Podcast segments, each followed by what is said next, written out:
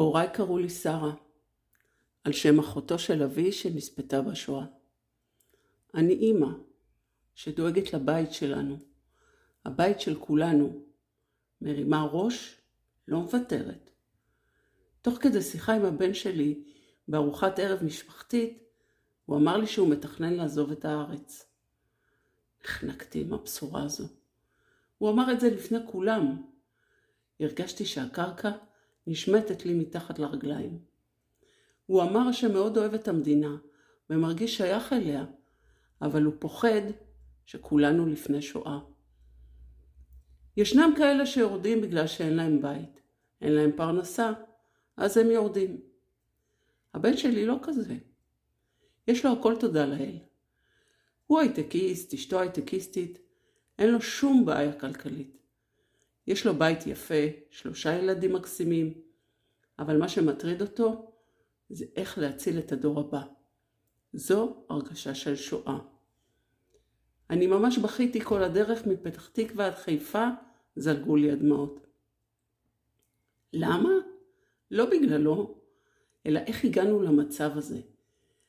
מה שהכי שיגע אותי זה שיש משהו נורא בזה שאני דור שני בארץ לניצולי שואה. ופתאום הבן שלי מדבר שהוא מרגיש שאנחנו עומדים לפני שואה, ושהוא חייב לברוח לאיזשהו מקום עם משפחתו. מצאתי עצמי שואלת, איך יכול להיות שהצבר החזק הזה לא קם על רגליו, לא נלחם ולא מתמודד עם זה?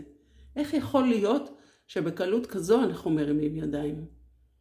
שאלתי אותו, אוקיי, אז למה אתה לא נלחם על המקום הזה? מה הוא ענה? שהוא מרגיש שאין לו עם מי להילחם, שהחברה כאן מאוד השתנתה.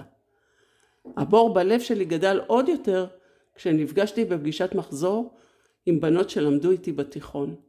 הן משכילות, נעלות בתי ספר, ראשות חוגים באוניברסיטה עם תואר שלישי.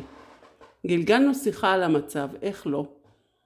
הבנים שלהם, אחד בברלין, אחד בספרד, אחד בבלגיה, אחת מהן שיתפה בסיטואציה שהייתה לה עם המחותנת שלה. היא אמרה שהיא עצובה מזה שהבנים שלה לא בארץ, ושהייתה רוצה שהבנים יחזרו לגור פה. המחותנת אמרה, באמת, איזה עתיד יש להם פה בארץ? אותה חברה ששיתפה שמה יד על החזה ואמרה בהרכנת ראש ובקול דרמטי, תראו, בינינו, מה יש פה לחפש?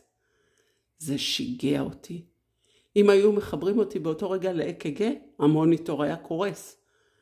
אז הבנתי שזה לא רק הבן שלי. כאימא, אני חייבת לצאת עם קריאה לעורר את כל האימהות. לא יכולה לשבת עוד רגע אחד בשקט, כי הסכנה האמיתית היא השלמה עם המצב. השתיקה שלנו. לכן, הוקלט קליפ שלי בנושא והוא פורסם בדצמבר 2021. הוא זכה מעל ל-50 אלף צפיות ותגובות מאוד אוהדות. בעקבות כך באתי עם קריאה. בואו אמהות, בואו נעזור אחת לשנייה. כי אני מאמינה שאימהות הן כמו לביאות. הן לא יכולות לוותר. זה נגד הטבע שלהן לוותר על הלהקה והגורים.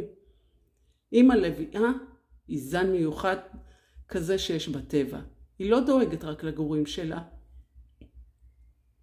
כאימא, אני יכולה להגיד, טוב, זה הילד שלי ואני דואגת לו שלא ירוץ, שלא יתרחק ממני, ומתעוררת דאגה לעת זקנה.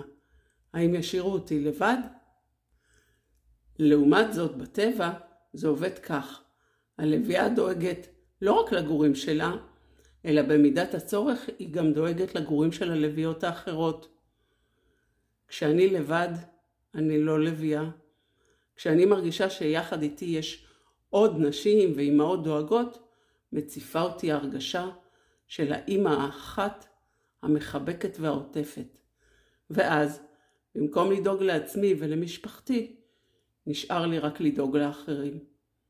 איזה ביטחון, איזו שלווה, איזה שקט בלב.